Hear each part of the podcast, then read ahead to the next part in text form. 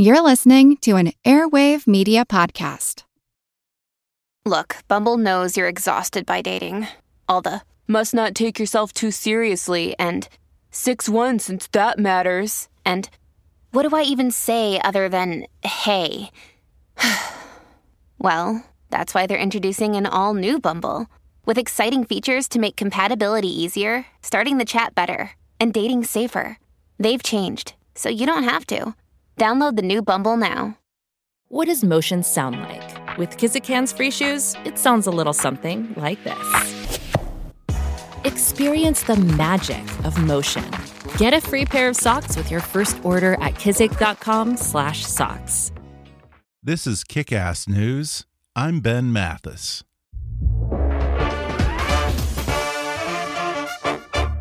Hi, folks. Ben here with a quick favor to ask. There are some great advertisers who support the show, and in order for them to continue doing that, I need your help. Please do me a favor and go to podsurvey.com slash kick and take a quick anonymous survey that will help us get to know you a little better. Even if you've taken our show's podcast listener survey before, the current one is new and different, so I'd really love for you to take it again. Plus, once you've completed the survey, you can enter to win a $100 Amazon gift card. Again, that's podsurvey, P-O-D-S-U-R-V-E-Y dot com slash kick. Thanks for your help, and now enjoy the podcast.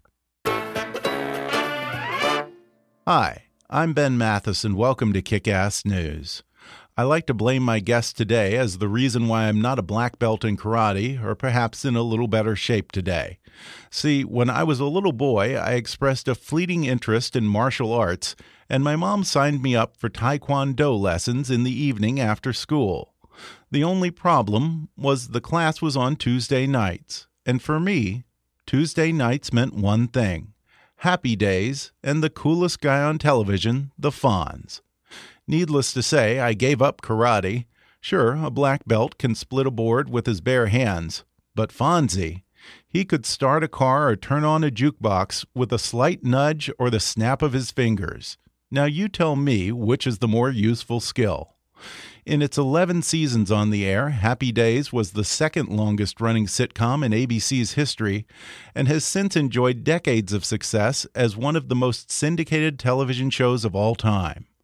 Arthur Fonzarelli, the too cool for school motorcycle riding greaser played by Henry Winkler, was originally meant to be a minor character on Happy Days, but after his appearance in the first episode, TV audiences quickly demanded a lot more of Fonzie, leading ABC to make Henry Winkler the star of the show, and TV Guide to name the Fonz number four in its rankings of the 50 greatest TV characters of all time. After Happy Days ended, Henry Winkler took a break from acting to embark on a highly successful career as a producer, starting with the hit show MacGyver, which ran for seven seasons on ABC. He produced three seasons of the Disney Channel's So Weird, five seasons of the popular paranormal docuseries Sightings, as well as other shows like Mr. Sunshine and Hollywood Squares. He also directed Billy Crystal in Memories of Me and Burt Reynolds in Cop and a Half. In the 1990s, Henry Winkler returned to acting, starring in the made for television film Absolute Strangers and co starring with Katharine Hepburn in the holiday TV movie One Christmas.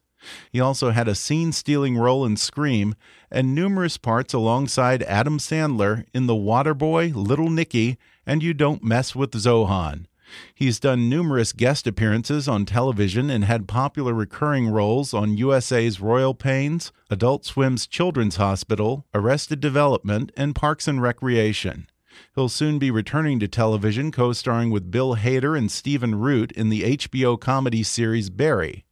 But of all of his achievements, this Emmy and Golden Globe winning actor, producer, and director says he's proudest of co authoring a best selling series of children's books about a dyslexic boy named Hank Zipzer. The character was inspired by Henry Winkler's own childhood difficulties with dyslexia, which went undiagnosed until he was 31 years old. With his co author, Lin Oliver, Henry Winkler has written 17 books in the Hank Zipzer World's Greatest Underachiever series for kids 8 to 12. Nine books in the Here's Hank series for readers 6 to 8, and a popular Hank Zipzer television series in the UK, which led to Henry Winkler being appointed an honorary officer of the Order of the British Empire. The latest in the Hank Zipzer books is called Here's Hank. Always watch out for flying potato salad. Today, Henry Winkler will talk about his own childhood struggles with dyslexia and what he's doing to raise awareness and give kids the encouragement he never received. He shares how his reading disorder led to some creative auditioning when he tried out for Happy Days, his fondest memories of the show's creator, Gary Marshall, and why the Fonz's leather jacket that now hangs in the Smithsonian almost never was. He discusses his transition from actor to producer and now children's author, how he navigated the hurdles presented by his learning disorder in each of those careers, and he talks about the innovative new font he uses in the Here's Hank books that actually makes reading easier for dyslexics. Plus, why bad grades aren't the end of the world, and why jumping the shark may not be a bad thing coming up with actor, director, producer, and author Henry Winkler in just a moment.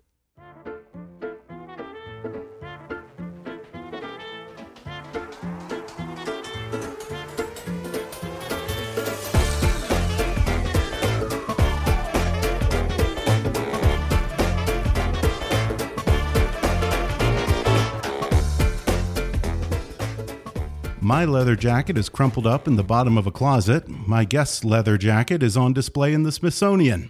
You, of course, know Emmy and Golden Globe winner Henry Winkler from his memorable role as the Fonz on Happy Days, as well as his appearances in films like The Waterboy, Lords of Flatbush, and Night Shift, and guest appearances on shows like Royal Pains, Children's Hospital, Parks and Recreation, and Arrested Development. He is a director and prolific producer whose credits have included MacGyver, Hollywood Squares, and Disney Channel's So Weird. But what you might not know is that Henry Winkler has had a lifelong struggle with dyslexia, and he's channeling that into a series of best selling children's books to help kids with learning disabilities. The latest in the Hank Zipzer series is called Here's Hank Always watch out for flying potato salad. Very important. Henry Winkler, thanks for sitting down with me. How are you? Uh, I'm doing great. So Thank am I. I'm. It's a lovely day here in California, and um, I'm very happy to talk about Here's Hank. Yeah, and you have a whole house full of kids today. So I do. Well, you know day. what? My daughter and her husband Rob have moved in to the house because they're working on their house and uh, the their two sons, uh, one and five, have moved in, and it is joyful. it is a, never a dull moment. Well, you seem to have an affinity for kids. And in 2003, you began this terrific series of children's books about a dyslexic boy named Hank Zipzer. Right. It's, or Henry Winkler, as the case may be. Well, that's what I was just going to ask you. How much of Hank Zipzer is based on the experiences of the young Henry Winkler? The emotion of the book, the um, the dilemma of the book, of of what Hank runs up against, is exactly my life, and the humor is exaggerated. So my partner Lin and I, uh, we make each other laugh because we think that uh, humor is the the road into mm-hmm. kids reading, and um, and then the emotion comes very easily because I remember what it is to have failed at everything. Yeah, and you've talked about the fact that you had pretty strict German parents yeah, who didn't short, understand very your short, struggle. Strict. Yeah. Don't forget that. yeah. Microscopic, short German parents. And you said that they used to punish you for bad grades and even gave you the nickname Dummerhund in German. That's true. Which means, means dumb dog. Uh, not great for a kid's self esteem, I assume. No. What you know what what I realized growing up was that, and I I made a deal with myself that I would be a different parent, mm-hmm. that my children were would able they would be able to express themselves, whatever is on their mind, whatever it was, they could say it as long as they didn't make me weep and uh, you grow up with a learning challenge, with any kind of challenge. It doesn't have to be just mental.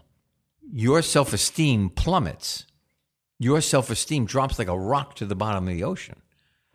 So then, our job as parents, as teachers, as aunts and uncles, brothers and sisters, friends of the family, is to make sure that that child uh, who has a learning challenge meets their destiny. Yeah, well, in those days, I have to assume that not a lot of people even knew what dyslexia was. I mean, th- that's no, when they you know lumped what, though? it in with have- ADD let me let me jump in here because else, this this makes me angry. yeah, You don't have to know what dyslexia was. I don't care that they didn't know that I had a learning Really? challenge. I care that as adults, they're looking at a kid struggling Hmm. and never asking, hey, let's try and figure out what's going on here rather than you're just wrong and lazy. Do you know what I mean? Mm-hmm. Yeah, I- don't care that they didn't Yeah. know about it. There could have been compassion about it. yeah. Yeah. Like I said, those were the days when people would just lump in ADD and everything under this rubric Sure. of the kid's stupid. That's right. Yeah. And I don't Wow. I don't care. Let me just say that again. I But don't it's an care empathy thing, huh? what the um that they knew exactly what the root of the problem was. You have to acknowledge that your child is having a hard Right. time. Yeah. Once you acknowledge that, the kid it feels terrific, you feel terrific, and then maybe you to, together you can find a solution. Yeah. You know, you ask any child that you meet, what are you great at? They will tell you. Every child knows what they're great at. I was just at a, a high school uh, last week. I spoke to um, about 800 kids uh, in this high school. And I went around and I asked them, I said, Oh, anybody know? Just raise your hand. One kid said, I am great at sleeping. One kid said, I'm great at making friends. I'm great at art. I'm great at logarithms. I'm great at soccer. Joking, not joking, every child knows what they're great at. Yeah. Since you bring that up, I wonder people always say that there are certain benefits to certain disorders like ADD or autism. Maybe the kids are more creative or better at math or see the world differently. Is there some kind of an upside to learning disorders? like Many. I'll tell you exactly what. To me, even no matter what challenge you have, it forces you to use the other parts of yourself that are working really well, and you hone those other parts down to a fine point. Your humor, uh, your ability to listen, because my eyes don't work very well with my brain, because I can't read very well. My ears became acute, became exquisite in being able to hear information. You know, so yes, there are many, many wonderful things uh, that are byproducts of having a challenge. Was acting sort of an outlet for your frustrations with dyslexia, or No, how did you gravitate toward it? I dreamt of being an actor. I wanted to be an actor. But the fact of the matter is that I couldn't because I did one play in the eighth grade and one play in the 11th grade. And I was not able to do what I dreamt of doing because my grades were so bad. I could never do extracurricular activities. So you had to focus on studies the whole time. I was to supposed to, get a focus on studies, grade, huh? but my Yeah. brain doesn't work like that. Yeah. So I took geometry uh, for four years, same course. And here's the thing that nobody, nobody uh, has ever mentioned the word hypotenuse to me. Me neither. And I wasn't good in math either. well, at what point were you finally diagnosed with dyslexia, or did you I realize was never that you di- I was it? never diagnosed. Okay. Um, our oldest son, my stepson Jed, was uh, in the third grade. He's now 45. And he uh, was tested, and everything that they said about him was true about me. Huh. And then I realized, oh my goodness, at 31, I have a learning challenge. And how did you deal with that? What, what First what- thing I did? learn how to adapt to it? The first or- thing I was was angry. Yeah. all the shame, all the yelling, all the uh, the uh, grounding, all of the consequences were for nothing, because it wasn't like I was not trying. It was that I couldn't figure out the subject. Then I thought to myself, okay, now you've got this. And I learned uh, to speed read myself in my own way. I read my first novel when I was 31. Really? Uh, I, um, you compensate, yeah. you know? And then now, right this minute, I think, hmm, maybe if I wasn't dyslexic, I wouldn't be sitting here talking into this microphone with you. Yeah, you never know. No. Yeah, and I, I got to say that's something that I relate to because I was not diagnosed with ADD, which is a close cousin of Sure. dyslexia, until I was an adult as well. There and you I go. struggled in all throughout high school and Sure. through my my young And now you well. are what is uh, is this your podcast? Yeah. Okay. Yeah. Boom. Yeah. There you go. See, here's the thing. This is really important. You're not defined by school. Mhm. You are not defined by the grades that you're getting. You're defined by who you are on the earth and the choices you make and your will to achieve. Mhm. That's it. Yeah. You're not doing well in school. You got to try as hard as you can because that's the law. But let me, I promise you, when you get out of school, no one is going to ask to see what you did in English. What grade did you Yeah. get in 10th grade? Yeah. Doesn't happen. Bad grades aren't a death sentence. Right. That's right. Well, uh, you know, you ended up actually going to Yale Drama School for your grad degree.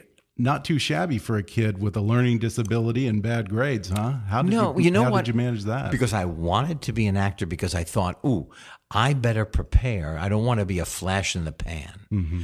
I saw my career, I saw myself as a forest ranger. And in 1970, June 30th, I started by planting my career.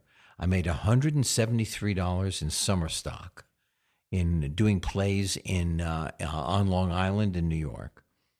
And I planted that little sapling and now I've watched it grow over these I don't know how long it's been since 1970 um 50 years? Yeah, 40 it's a giant redwood now. yeah. Yeah. Well, yeah, I, I read that somewhere. I guess when you auditioned for Yale Drama School, you were supposed to do a Shakespeare monologue, and you forgot the lines, and you just improvised the I words. did I made it up in, I huh? made up Shakespeare and apparently they thought that it was good enough to offer me a job That's amazing. offer me a position in uh, at the school Yeah. Now I wonder, does dyslexia make it harder to memorize lines? It makes it harder to read the lines. Really? Uh, when we read out loud, I'm doing a brand new show. We start shooting on Monday, and um, we have readings for the network. And there's a, a word that my brain just shuts down, and I cannot decipher it. And I am reading along, and I said, and then I went into the house and I grabbed for that whatever that word is, and then I kept reading it. Huh. And the rest of the cast is so lovely. They just told me what the word was. They all yelled out the word, and I went on.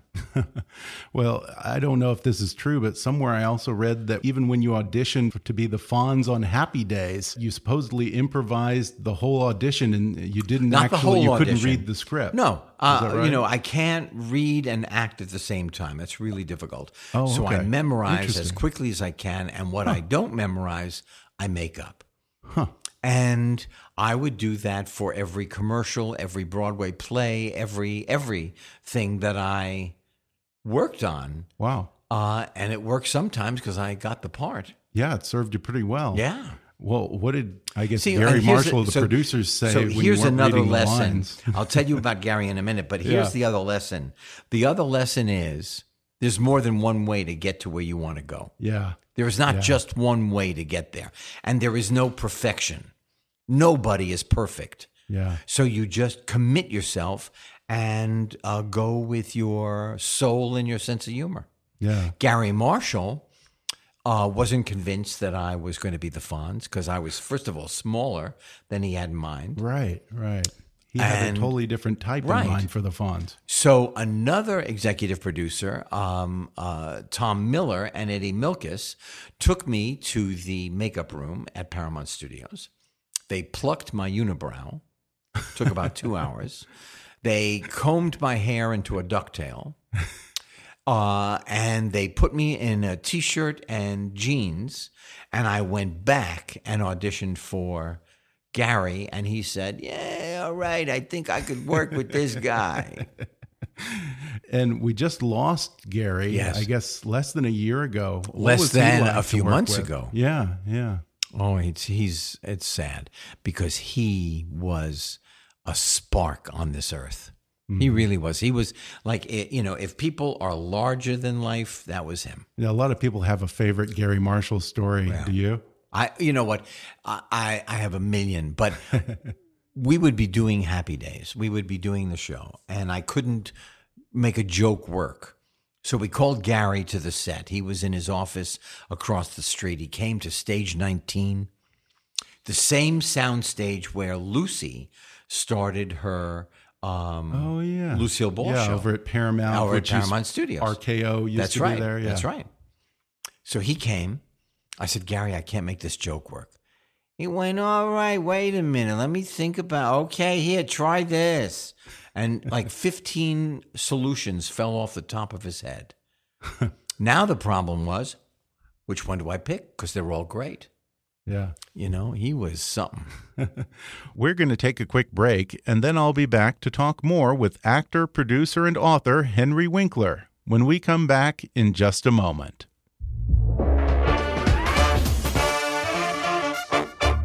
Folks, whether you're starting an online business or trying to get your existing business online, GoDaddy wants to help.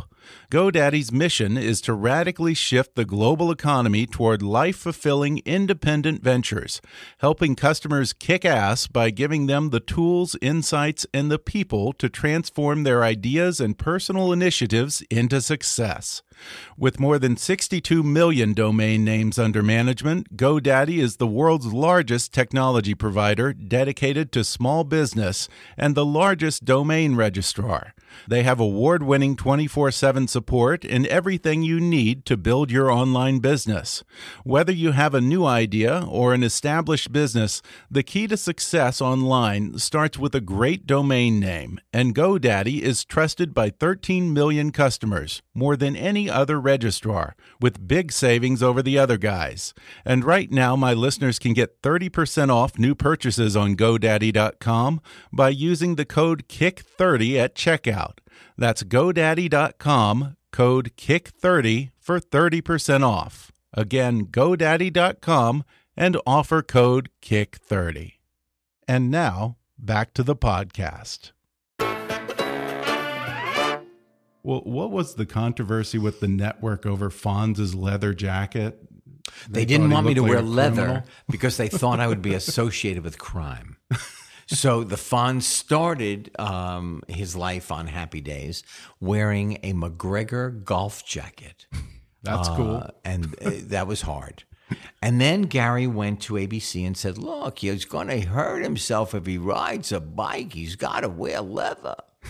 And they said, Okay, we'll let you have a leather jacket only when he is in a scene with his motorcycle. Gary then called the writer's room at Paramount Studios and said, Never write another scene without his bike again. Which further complicates things because you didn't like riding on motorcycles. My, apparently. personally, you mean Henry? Yeah. No, I still don't. Yeah. I still don't. But you know, as the Fonz, what I I, I was so short that uh, the first uh, bike that I had was a Harley Davidson, beautiful, beautiful Harley Davidson, but it was too big for me, and I, I couldn't even straddle it. So um, they got me a Triumph. Which was the same exact Triumph that Steve McQueen used to jump the fence at the end in The Great Escape. Oh, really? Oh my gosh. Oh, wow. I was so excited. Yeah. And I think somewhere I read the first time you got on it, you crashed it into the sound van. Yes, I did. Yes, I did. It was inside. I was supposed to go like three feet. Just release the brake, they said, which I did. But I also turned the gas up. And I nearly killed the director of photography and smashed into the sound truck. You know, I have to ask, what part of Milwaukee, Wisconsin did Fonz come from that he had that accent? Oh yes, yes. He came from. Oh well, you know there is a there's a, a borough of uh, Milwaukee. Yeah. the same borough as in New York City called Brooklyn. Uh huh. Oh yeah, Brooklyn, Brooklyn, Milwaukee.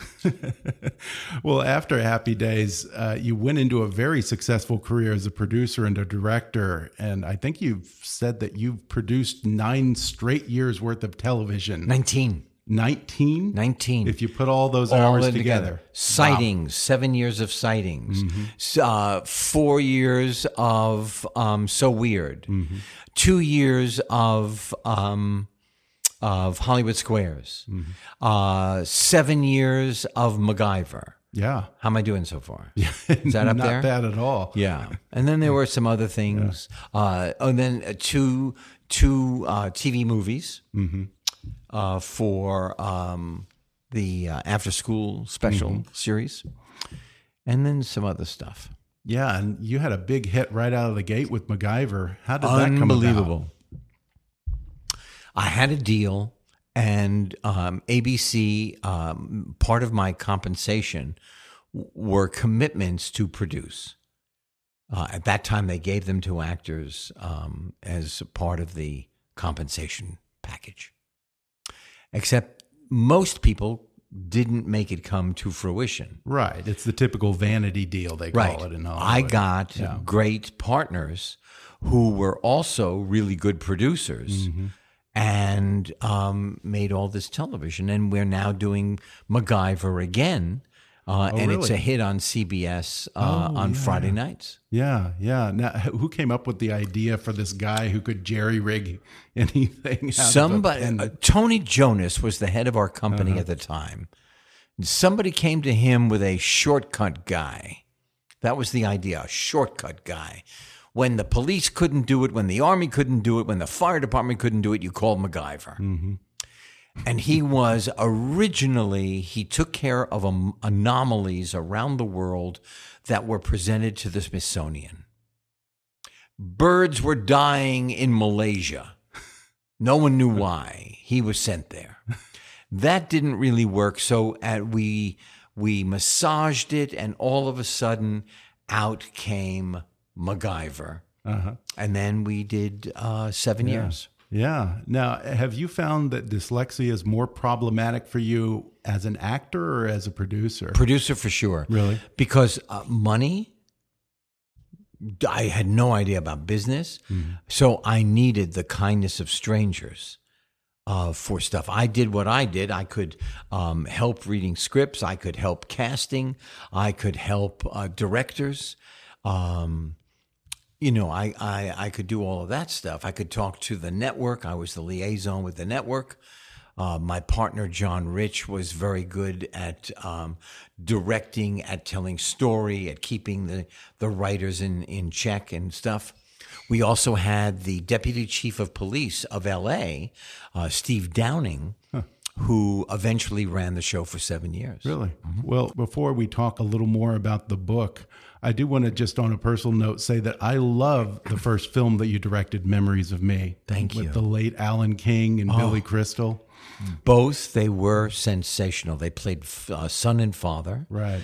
Um, the first day of shooting of Memories of Me was 19, I believe 1988, and the stock market crashed.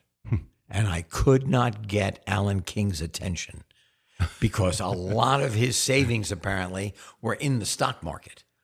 oh boy. And he was probably still of the generation that survived the depression, I imagine. So Absolutely. a he was touchy uh, thing. He was a worried fellow. Mm-hmm. But boy, did he turn in a great performance. Yeah, he sure did. Yeah, I'm very proud of that movie. Yeah. It was about a strained relationship between a father and son. Was Right. that anything that you related to? In? Well, no. Oh, oh, yeah. I'm. You know, I, I never really had a relationship with my parents. Uh, oh, about a week ago, I found a box that I put away, which were papers, um, uh, correspondence, photographs of my parents from Germany. I have a picture of my father in 1818, 1918, a picture of my mother in 1923, And for the first time of my life, looking at these pictures, I thought to myself, I wonder what they were like as people. Hmm. Because I had so shut Wow. off, I had no idea. They had fled the Holocaust just Yes. before the beginning of the war. 1939, they got out. I, I never had a real grandfather or real grandmother.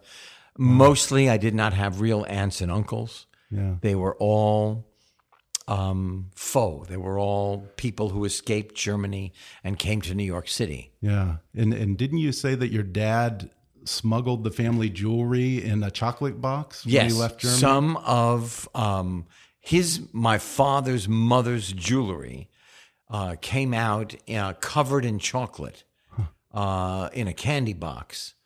Um, so when the the Nazis said, "Hey, do you have anything of uh, value?" They said, "No, check my bags. I've got nothing," and it was all in the candy Wow. box. Wow. Well, you know, I want to talk some more about Hank Zipzer before Yes. we go. When you started the first book, Yes. did you struggle with the process of actually sitting down and writing an entire book? Well, I did because um, mostly I talked, and I um, Lin sits at the at the computer. She types, and then she has an idea, and I stop, and she types, and then she reads it back to me. A few chapters, um, I was inspired, and I wrote them out longhand, not being able to spell anything, on yellow pads when I was on an airplane. So I would do it that way, but mostly I um, I would just talk. Uh, it's interesting. I feel like there's a running theme here between the way that you go about producing, the way you go about writing. Do you find it easier to have a partner to do some of the elements of the job that, Well- that you don't find as easy? Yeah, because um, my partner always knows stuff I don't, Mm-hmm. and it's okay if you don't know anything Yeah. because you learn it along the way. You know what you know. You bring what you know to the party, and it all worked out, didn't it? Yeah. I've had a great life. Well, yeah, and that's one of the things in Hollywood that no one ever wants to admit that they're wrong. Right. you know, and they Either get in did the deeper Fonz. trouble. Remember the the Fonz would always say, uh, "I'm." He could never say he was. Yeah, exactly. You know, but and, and Hank Zipzer uh, is the same way. You know, his Yeah. Hank Zipzer and here's Hank. Here's Hank is for first, second, third grade. Mm-hmm. Reluctant readers, fourth grade, Yeah. and then Hank Zipzer is third, fourth, and fifth grade. Reluctant readers, sixth grade. Yeah. And what are some of the things that kids with dyslexia might relate to in these books? Well, then you know, um, Hank is a very positive kid. His glass is half full. He just spills it everywhere. Every child, whether you have dyslexia or not, ADD or not, um, autism or not, every child has a challenge. And I cannot tell you how many kids read Here's Hank or Hank Zipzer and say to us, Wow, how did you know me so well? You know, uh, you tell the truth, and uh, the kids totally get it. Uh, how about the lists? Was that something that you found useful? I know that Hank is always writing lists. Yes, no, we came up with that just by chance. Yeah. Uh, and then we wrote an entire book, uh, Hank Zipzer, The Book of Pickles. Whoops, I mean lists. And it is they're the best lists of all the ones that Hank has written. Plus, we have written six and new Mm-hmm. ones in each category. So it's a book of lists, and it uh, it's very funny. Okay. So you're not a, a prodigious list writer yourself then? No, but I have to write down. Yeah. Even when I was younger, I have to write things down about what I want to do, who I want to call, and everything, or I will forget. I can't keep it all in my head. Uh, I also want to bring up the font. These Here's Hank books, they're written in this unique font called Dyslexie that helps kids with reading disorders. Right. Uh, what's different about this font? Well, first of all, it was developed by a dad for his children in Holland. Second of all, it makes everybody happy because it just makes it easier to read the words on the page. You know, you don't have to have dyslexia in order to lose your place, Yeah. lose track, have words swim on the page, um, uh, you know, not be able to sound words out. This font makes your eye and the page friends. Is there something that's unique about the letters that they stand Yes. out better? or- Uh, they are weighted differently. The space in the C is bigger. okay. The ascending of the F and the T is longer. The descending of the G, the Y, um, is longer. Um, so it just is um, thoughtful. Uh, This Okay. dad so in they're Holland, easier to distinguish. then. much easier to Okay. distinguish, and it really cool. Makes it great idea. pleasant for Yeah. your eye. Yeah. It really does. Wow. And this dad was is also a graphic artist, so he really thought this out. wow, that's terrific. Yeah. That we're the first ones in America to use it Oh, in a novel. Wow. Yeah. That's incredible. I think so. Too. Now, does it work for adults too? It works for everybody. Really? I promise you, when you look at that font, you go, wow, that Yeah. certainly makes it easier. Well, before we go, I just have to ask Does it drive you at all crazy that here you are, a best selling author, an award winning actor, director, producer, and yet, despite all your success and through no fault of your own, you are forever associated with the term jumping the shark? No. no, because first, uh, I, I mean, I've, I've answered this question before, but Yeah. remember when here when when jumping the shark came out Yeah. We were still number one for years after it Right. You Two. didn't jump the shark No. in the proverbial sense. number two every time at that time there were newspapers people actually read the newspaper and every time they mentioned jump the shark they showed a picture of me uh, water skiing and i had really good legs at that time so it didn't bother me at all Yeah, and didn't that come from your dad telling the producers that you were a good water no, he wanted me to tell the producers. Oh, he wanted He you to- said, "Yeah, okay. "Tell the producers you've water ski." I said, "Dad, I'm probably not going to do that." No, no, no. Tell them you've water ski. Finally, after the 99th time, I said to Gary, "My father wants you to know I water ski." And all of a sudden, lo and behold, there it was. Jump the shark.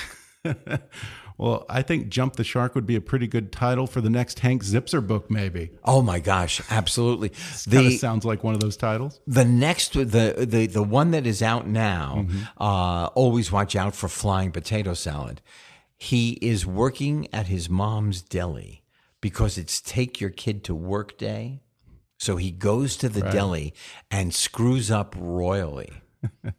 and while the kids are going to work with their parents, the teachers are having a conference and Hank's mom's deli is catering the food. and so, of course, Hank, I can't tell you what happens, but yeah, chaos the ensues. The next book, he wants so badly to be on the basketball team, but he never catches the ball. It just it seems like it bounces off his head a lot. And then finally, he becomes the secret weapon on the basketball team. And I should also point out that these are not just books that are good for kids with a learning disability. I No, they're assume they're good for all the kids. Absolutely. I enjoyed it. Thank you. Yeah, I really did. Thanks. They're comedies. They don't mamby pamby around. We don't talk down to the children. Yeah. And Yeah. kids identify, you know? One more time, the latest installment in the Hank Zipzer series is Here's Hank. Always watch out for flying potato salad. Henry Winkler, thanks so much for sitting down and talking to me. You know what? It was a pleasure. Thank you. Really.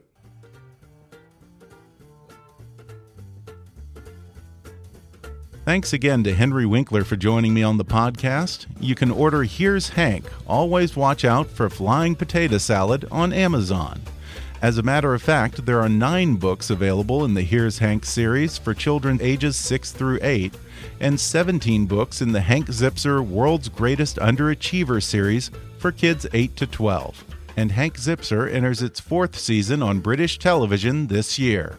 Be sure to subscribe to Kickass News on iTunes and leave us a review while you're there. Don't forget to take our listener survey. It only takes five minutes at podsurvey.com/kick. You can visit Kickass News on Facebook and follow us on Twitter at, at KickassNewsPod. And be sure to recommend Kickass News to your friends on your social media. And if you really want to help out, then donate to our GoFundMe campaign at gofundme.com slash kickassnews or click on the donate button at kickassnews.com. As always, I welcome your comments, questions, and suggestions at comments at kickassnews.com. For now, though, I'm Ben Mathis, and thanks for listening to Kickass News.